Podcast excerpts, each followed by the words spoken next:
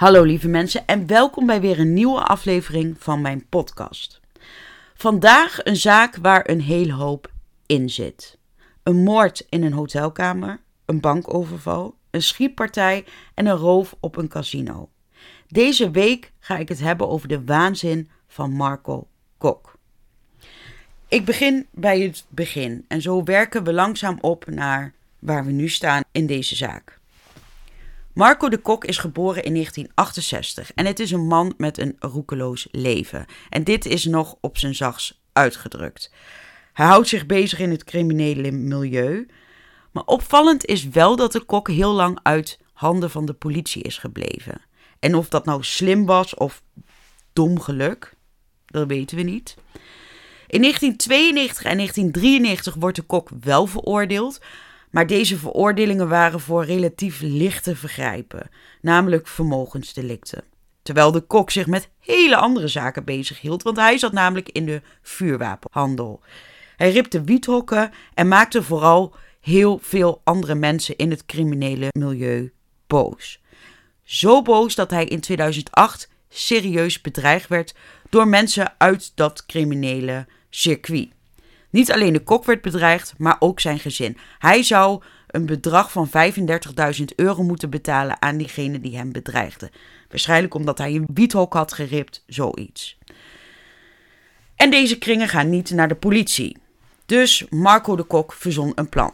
Hij was werkzaam op dat moment bij een casino en hij wist natuurlijk hoeveel geld er in dat pand aanwezig was en hoe hij makkelijk met dat geld weg kon uit dat pand. Volgens de eigen verklaringen later van Marco moest hij dit doen, anders zouden zijn kinderen eraan gaan.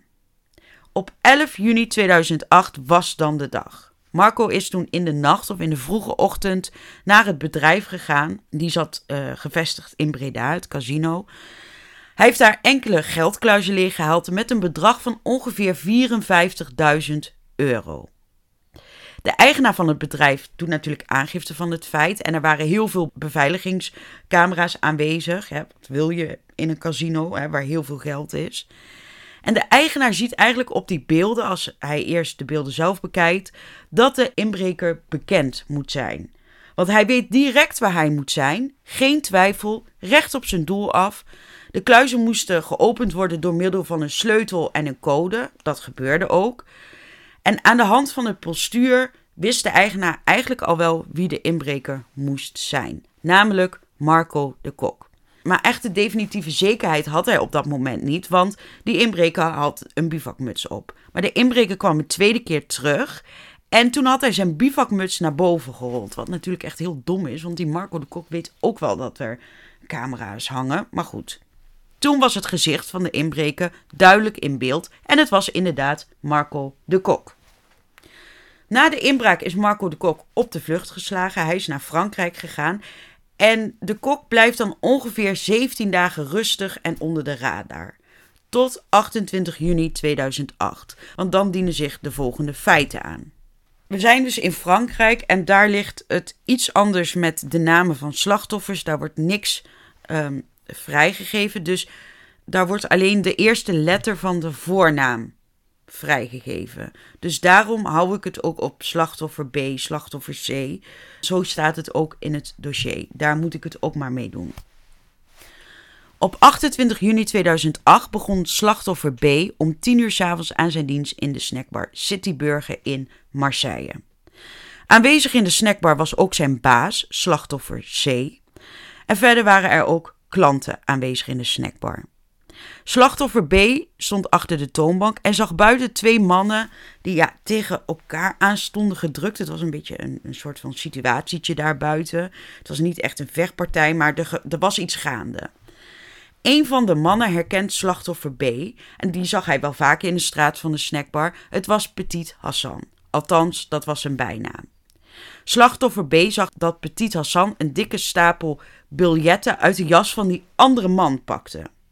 De andere man was een Europees type, ongeveer 1,70 meter lang, kort bruin haar, had een zwaar Engels accent en hij was erg dronken. Deze man zou Marco de Kok zijn. 17 dagen na de inbraak op zijn werk duikt de kok dus op in Marseille in de straat vlak bij een snackbar. Waar gezien wordt door slachtoffer B en C, die op dat moment in die snackbar aan het werk waren, dat de kok buiten op straat beroofd wordt door Petit Hassan. Het is rond middernacht als Marco de kok snackbar instapt en dan eten bestelt. En toen hij moest afrekenen, zei de kok dat hij zojuist buiten op straat was beroofd en hij niet kon betalen. Slachtoffer C besluit om de kok te helpen en gaat achter Petit Hassan aan. Petit Hassan was een jongen van ongeveer 20 jaar. Hij was bang en toen slachtoffer C hem aansprak en vroeg of hij zojuist een toerist bij, de snackbar had beroofd, um, ja, zei Petit Hassan eigenlijk heel bang dat hij dat had gedaan en dat hij alleen maar 100 euro had gestolen. En hij gaf eigenlijk direct die 100 euro terug aan slachtoffer C. Nou, slachtoffer C dacht, laat maar, we kennen hem, hij is bang. Um, ja, misschien leefde hij wel op straat of deed hij dit vaker. Hij liet in ieder geval de jongen gaan, ging terug naar de snackbar en gaf Marco de Kok zijn 100 euro terug. Hij dacht, nou, opgelost. Hè? Marco de Kok heeft zijn geld terug. Petit van, ja, laat me gaan. Opgelost. Waar je dacht dat Marco de Kok blij zou zijn dat hij zijn geld terugkreeg, was zijn reactie juist het tegenovergestelde. Hij was ontzettend kwaad, want Marco de Kok zei dat, hij geen 100, dat het geen 100 euro was, maar 1000 euro. De kok was dronken, hij was opgefokt en hij zei tegen slachtoffer B en C dat hij terugkwam om Petit Hassan te vermoorden. Nou, slachtoffer B zei toen nog dat het beter was om gewoon aangifte te doen, misschien, hè? zoals normale mensen doen. De kok maakte toen nog een schietgebaar naar een klant en hij had iets met de term van shooting. En hij verliet toen de snackbar. Maar goed, ja, slachtoffer B en C en de klanten die op dat moment aanwezig waren in die snackbar namen het allemaal niet heel serieus, want de kok was helemaal dronken, een beetje van zijn padje af. Hij dacht, ze dachten, ja, laat me gaan.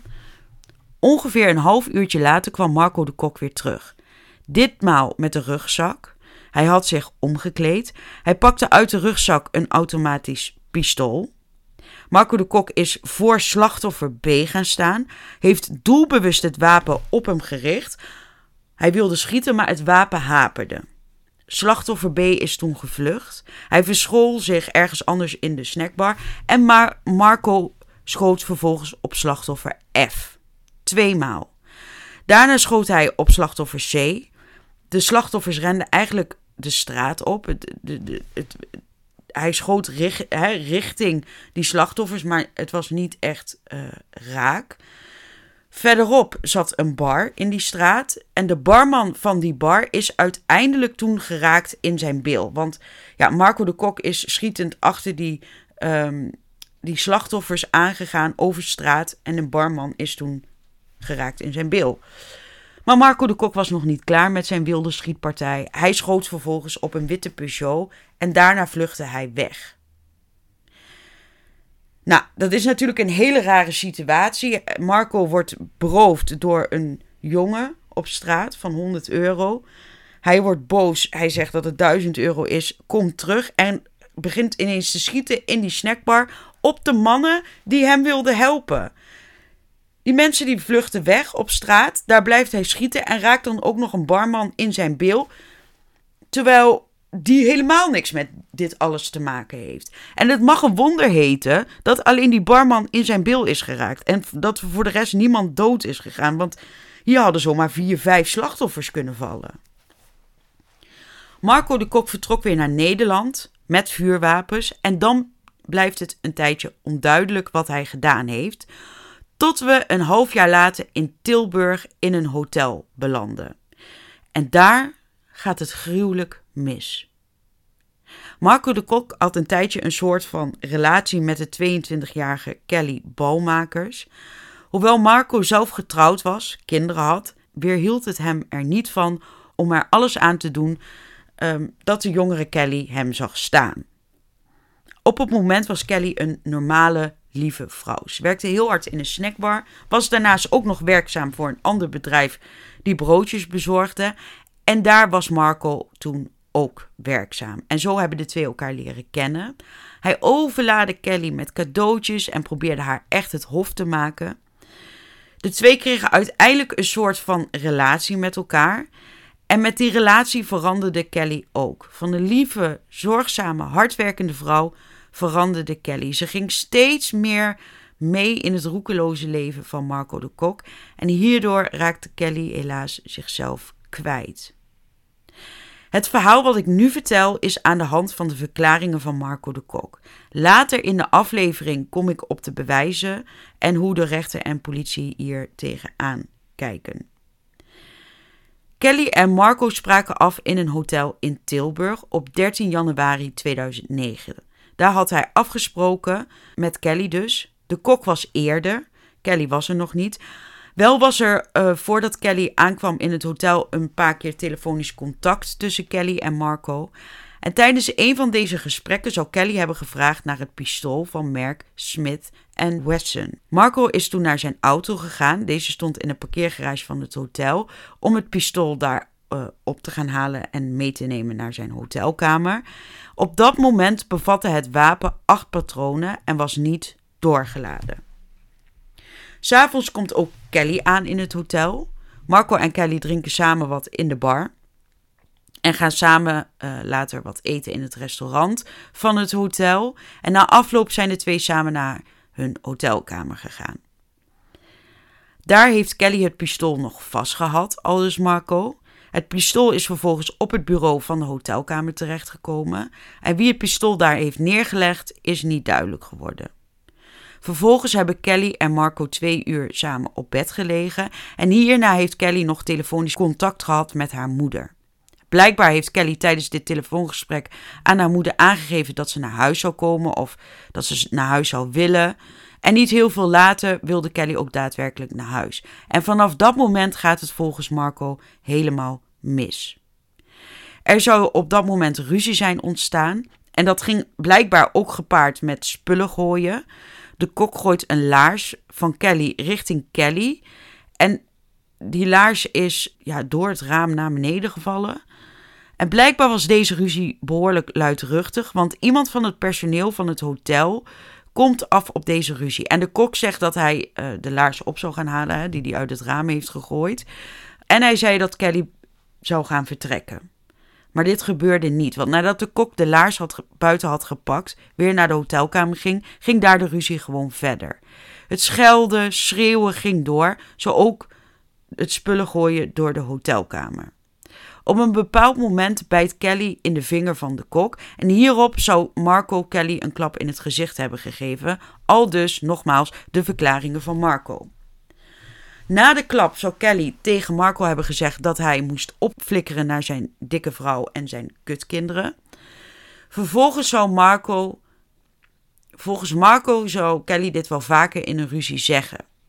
Na deze uitspraak zou Marco het wapen van het bureau af hebben gehaald. En ondertussen is Kelly naar de badkamer gegaan en ze probeert haar bloedneus te stelpen. En deze bloedneus kwam door de, door de klap in het gezicht van Marco. En op dat moment zat Kelly op haar knieën voor de badkuip. Marco heeft dus het wapen van het bureau afgepakt, laat het wapen door, doet twee stappen richting de badkamer.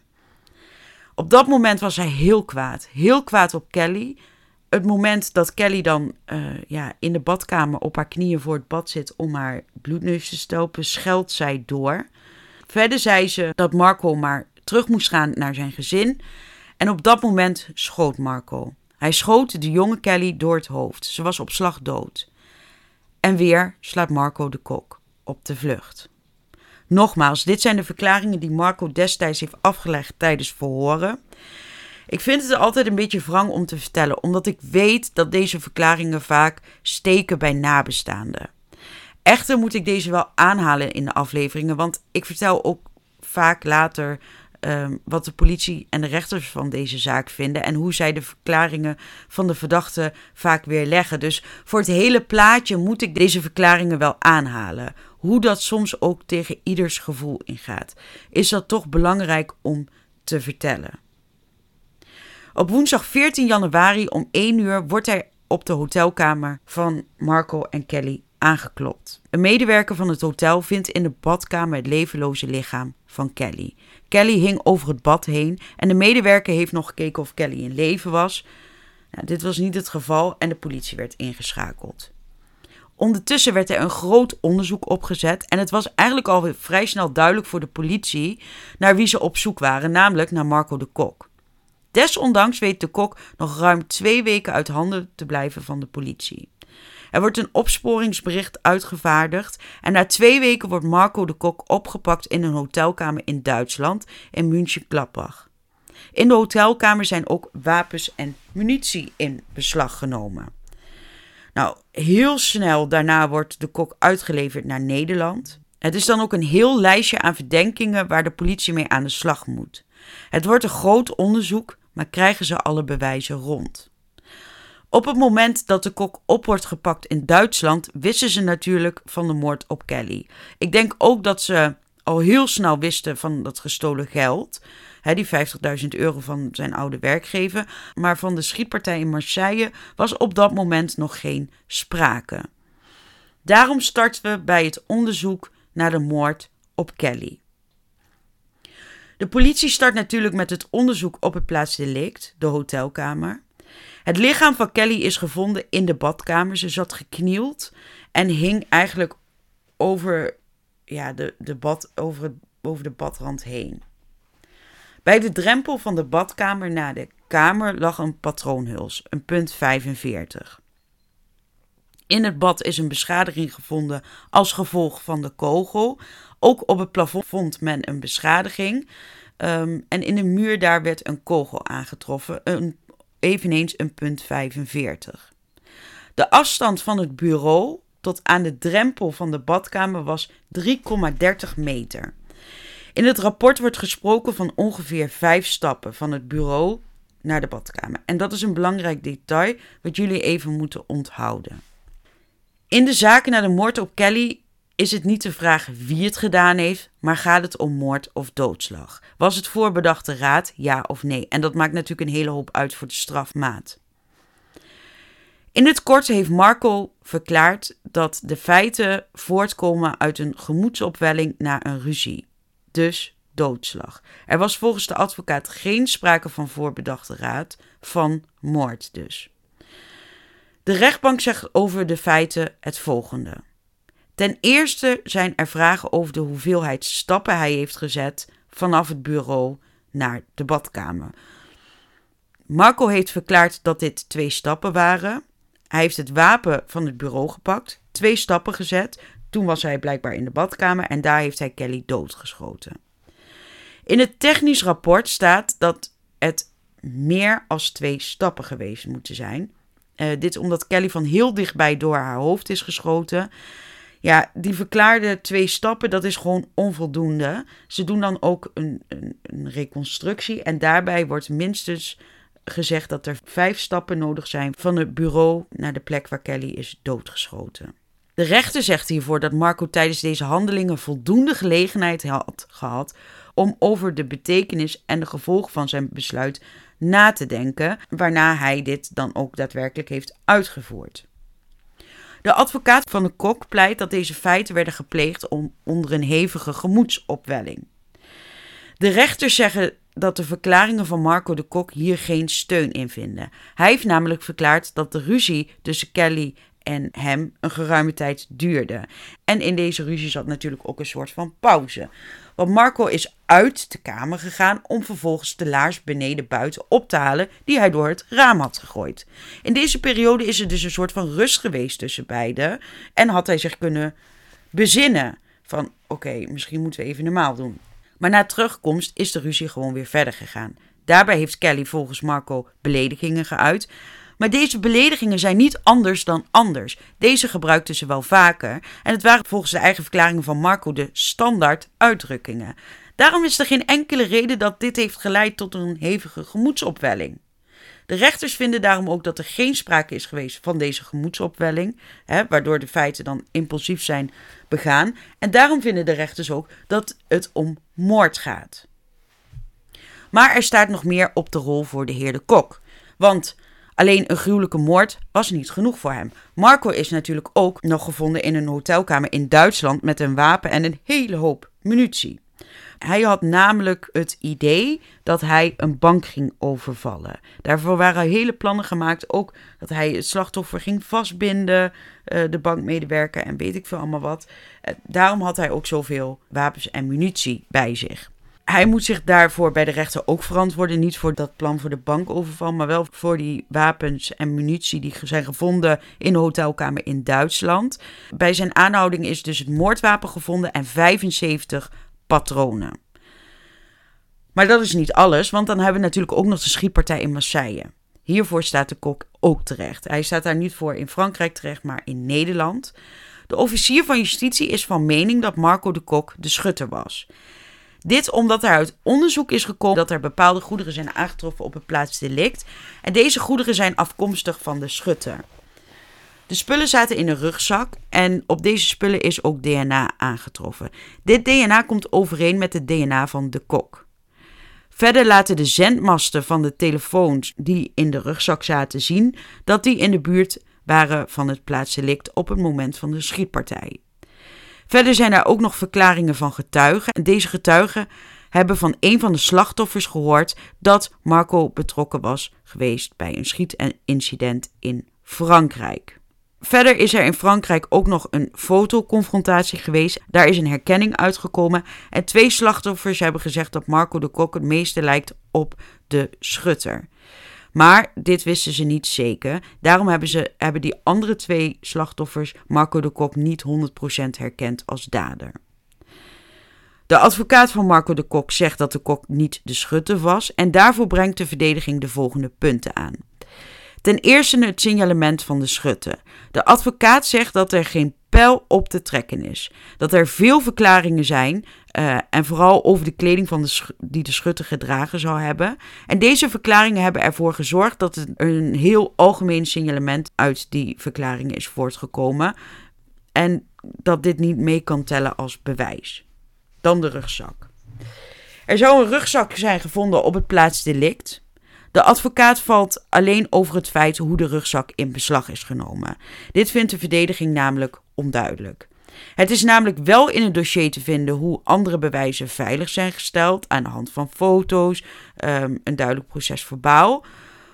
Maar als het over de rugzak gaat, is dit niet het geval. Er wordt gesteld in het dossier dat de rugzak in het café is achtergelaten.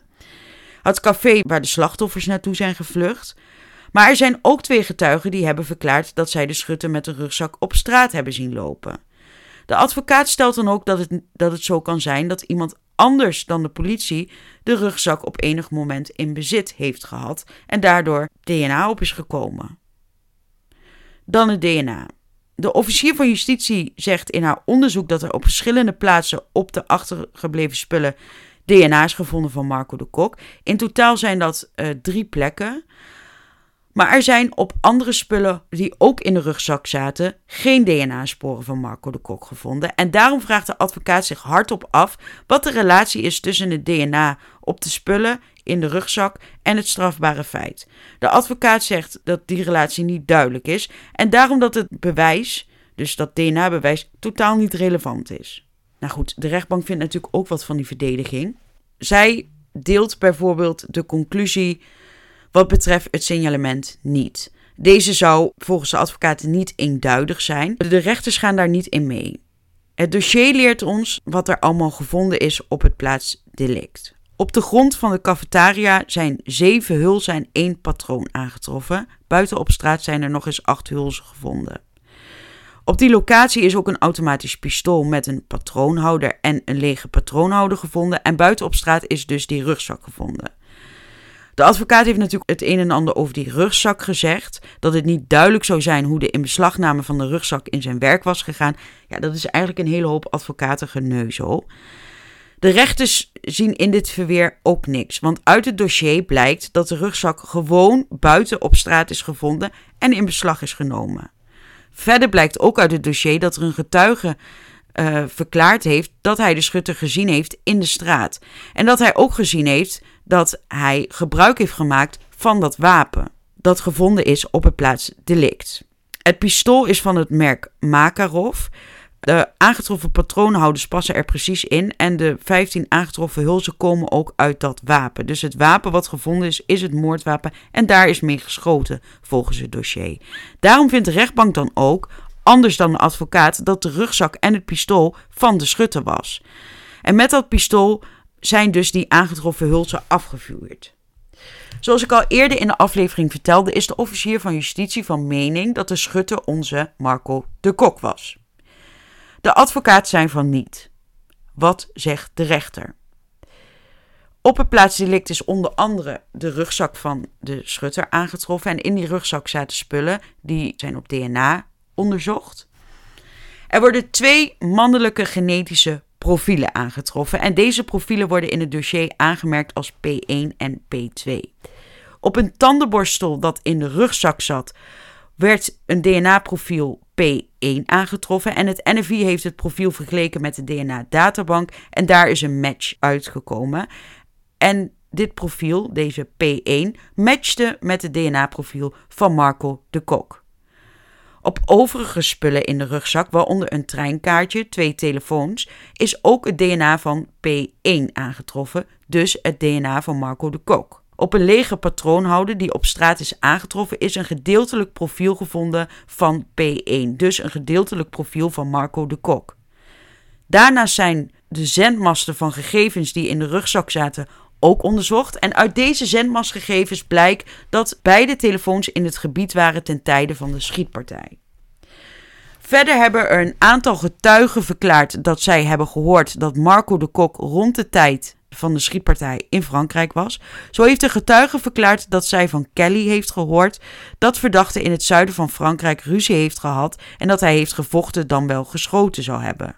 Dit zou zich hebben afgespeeld in de periode na de diefstal uit het casino. Het casino waar Marco de Kok destijds werkzaam was.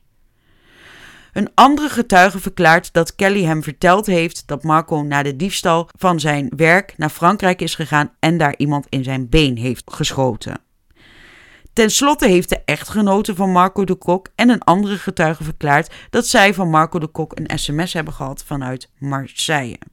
De rechter vindt dan ook dat het vast is komen te staan dat Marco de Kok de schutter is geweest. Dat hij geschoten heeft in Marseille. Verder vindt de rechter ook bewezen dat Marco de Kok geld heeft gestolen van zijn oude werkgever. Dus daarbij komen we op een heel rijtje aan bewezen verklaringen van de rechter. Ze gaan dan ook altijd nog even kijken naar de toerekeningsvatbaarheid van de dader. In dit geval Marco de Kok. Er zijn verschillende rapporten opgemaakt over Marco de Kok. En belangrijk is, is dat er een antisociale persoonlijkheidsstoornis met narcistische kenmerken aanwezig zijn. Ook zijn er kenmerken van ADHD aanwezig en verder was er sprake van cocaïne en alcoholmisbruik. De psychologen zeggen dat hij licht verminderd toerekeningsvatbaar was. Aan de ene kant heeft hij willens en wetens met Kelly steeds de kik en de rand van het ravijn opgezocht, zowel op crimineel gedrag als op andere terreinen. Hij had zich bewust van kunnen zijn van het risicovolle binnen zijn relatie met Kelly, zijn gedrag binnen de relatie, maar ook het risico van een escalerend geweld in combinatie met de aanwezigheid van het vuurwapen. Vanuit deze situatie kan de kok volledig toerekeningsvatbaar worden geacht. Aan de andere kant is er bij de kok ook een persoonlijkheidsstoornis geconstateerd, waardoor hij de kans heeft, meer dan bij een gemiddeld genomen burger, dat hij crimineel gedrag vertoont. En op grond daarvan, ja, hè, alles eh, bij elkaar gewogen, wordt hij als licht verminderd toerekeningsvatbaar gezien. Wat betreft het risico op herhaling moet er gesteld worden dat Marco de Kok in bezit was van een vuurwapen, dat hij zelf handelt in vuurwapens, in voorbereiding was om een uh, bank te overvallen. Ja, daar kan wel gezegd worden dat er een hoog risico is op in de toekomst ernstig geweld. Verder wordt er nog opgetekend in het rapport dat de persoonlijkheidsproblematiek nauwelijks behandelbaar is. Zeker omdat hij zelf geen aanleiding ziet om zijn criminele levensstijl te veranderen. Daarom zou bijvoorbeeld TBS met dwangverpleging enkel dienen voor de veiligheid voor de maatschappij en niet voor therapie. De behandeling heeft gewoon geen zin. Verder zegt de rechter ook dat de proceshouding van Marco niet meewerkt. Natuurlijk heeft een ieder recht om te zwijgen, maar de kok heeft systematisch geen enkel inzicht gegeven in zijn handelen. Verder is het motief ook niet duidelijk voor zowel de moord op Kelly als de schietpartij in Frankrijk. We weten natuurlijk wel waarom hij het geld van zijn werkgever heeft gestolen. Wat opvallend is en wat heel veel zegt over de persoonlijkheid van Marco de Kok is dat hij in het laatste woord in de, tijdens de rechtszaak, hè, want dan krijgt de verdachte altijd nog het laatste woord, dat hij zei dat, hè, dat in het laatste woord dat Marco de Kok zei dat hij een straf van 15 jaar accepteert voor de moord op Kelly. Als de rechtbank hiermee akkoord zou gaan en dan de, de, de schietpartij in Marseille buiten beschouwing laat. Dus hij wil 15 jaar voor de, de moord op Kelly. Hij wil vrijspraak voor de schietpartij in Marseille. En als hij dat zou krijgen, dan gaat hij niet in hoger beroep. En daarmee zal hij de familie van Kelly verdere confrontatie met het overlijden van hun dochter besparen. Nou, dit is natuurlijk uiterst onbeschoft, ontzettend onbeschoft. Want hij probeert hier de rechtbank te manipuleren. En we zijn natuurlijk niet in Amerika en deeltjes worden hier niet zo makkelijk gemaakt. Jammer voor hem. Marco de Kok wordt dan veroordeeld voor diefstal van het geld van zijn oude werkgever A 50.000 euro. Voor de moord op Kelly. Voor verboden wapenbezit en handel in wapens. Voor één keer poging tot moord in Marseille en drie keer poging tot doodslag in Marseille. De kok wordt veroordeeld tot een levenslange gevangenisstraf. Maar zoals de kok al zei, hè, bij 15 jaar ging hij niet in hoger beroep. Hij heeft natuurlijk levenslang gekregen, dus hij gaat in hoger beroep. De grootste pijler van dit hoge beroep was de moord op Kelly. De advocaten willen aangeven dat dit geen moord was, maar doodslag. dit, dit, dit scheelt enorm veel in de straf. Echter geeft de rechter in hoger beroep de kok geen gelijk. Ehm, het is geen doodslag, geen hevige gemoedsopwelling, maar moord. En deze uitleg van de rechter in hoger beroep wilde ik jullie niet onthouden. Want de recht benedereert als volgende. De rechter is van mening dat de handelingen die Marco de Kok heeft moeten doen tot het moment dat hij Kelly door het hoofd schoot, wel degelijk tijd was om na te denken over zijn handelen. Marco de Kok had telkens de gelegenheid anders te handelen. Hij heeft namelijk zich gedraaid naar het einde van het bureau om het wapen te pakken. Hij heeft toen daadwerkelijk het wapen gepakt. Hij heeft het wapen doorgeladen, is naar de badkamer gelopen, aan vijf stappen. Heeft zich in de deuropening opgesteld om zicht te krijgen op Kelly. Zij zat toen bij het bad. Hij heeft zich gepositioneerd, het wapen gericht en heeft het trekken van het, wapen, van, de, van het wapen overgehaald al deze handelingen vindt de rechter dat Marco de Kok zich had kunnen beraden over zijn handelen. Er was weliswaar waar sprake van een ruzie voorafgaande feiten, maar die ruzie was niet van dien aard dat het op deze feiten zal uitlopen. Kelly had immers vaker wel termen gebruikt van ga terug naar je vrouw of weet ik veel wat. Dus waarom zou dat nu ineens ontaarden tot een moord? Daarom vindt de rechter in hoger beroep moord ook bewezen. Verder vindt de rechter de diefstal van de 50.000 euro ook bewezen. Over de schietpartij in Marseille, daar vindt de rechter drie keer poging tot moord en één keer poging tot doodslag bewezen. Hij wordt ook veroordeeld voor bode wapenbezit en het handelen in wapens. Maar toch, je zou denken, wordt hij ook in hoger beroep veroordeeld voor levenslang. Maar dat is niet waar. In hoger beroep wordt Marco de Kok veroordeeld tot een gevangenisstraf van 28 jaar. Want de rechter zegt, ja, het is heel duidelijk dat het ontzettend ernstig is wat, hè, wat er gebeurd is met Kelly. Maar levenslang wordt gegeven als het echt de spuigaten uitloopt. Dat het ontzettend gruwelijk is en uh, ontzettend schokkend. Nu is het natuurlijk voor de nabestaanden altijd ontzettend schokkend en ontzettend gruwelijk. Maar als je dat dan in groter verband moet zien, hè, zoals de rechterstap moeten met andere zaken, vinden ze levenslang ja, gewoon weg te hoog. Daarvoor is de zaak niet schokkend genoeg, wat ik echt heel verbazingwekkend vind. Maar goed, hij wordt dan uh, veroordeeld tot 28 jaar. Maar dat was niet genoeg voor Marco. Hij dacht: een derde keer scheepsrecht, dus ik ga in cassatie. En dat was niet zonder succes. De rechter stelt hem in het gelijk. Het hoge beroep moest dan weer over. En uiteindelijk wordt Marco de Kok vier jaar na de feiten veroordeeld tot 26 jaar cel. De rechter vindt dat het niet om moord gaat, maar om doodslag. Nou, doodslag plus al die andere vergrijpen maakt het tot 26 jaar cel. Daarmee wordt de straf van Marco de Kok ook definitief. En ten vroegste kan de kok vrijkomen in 2027.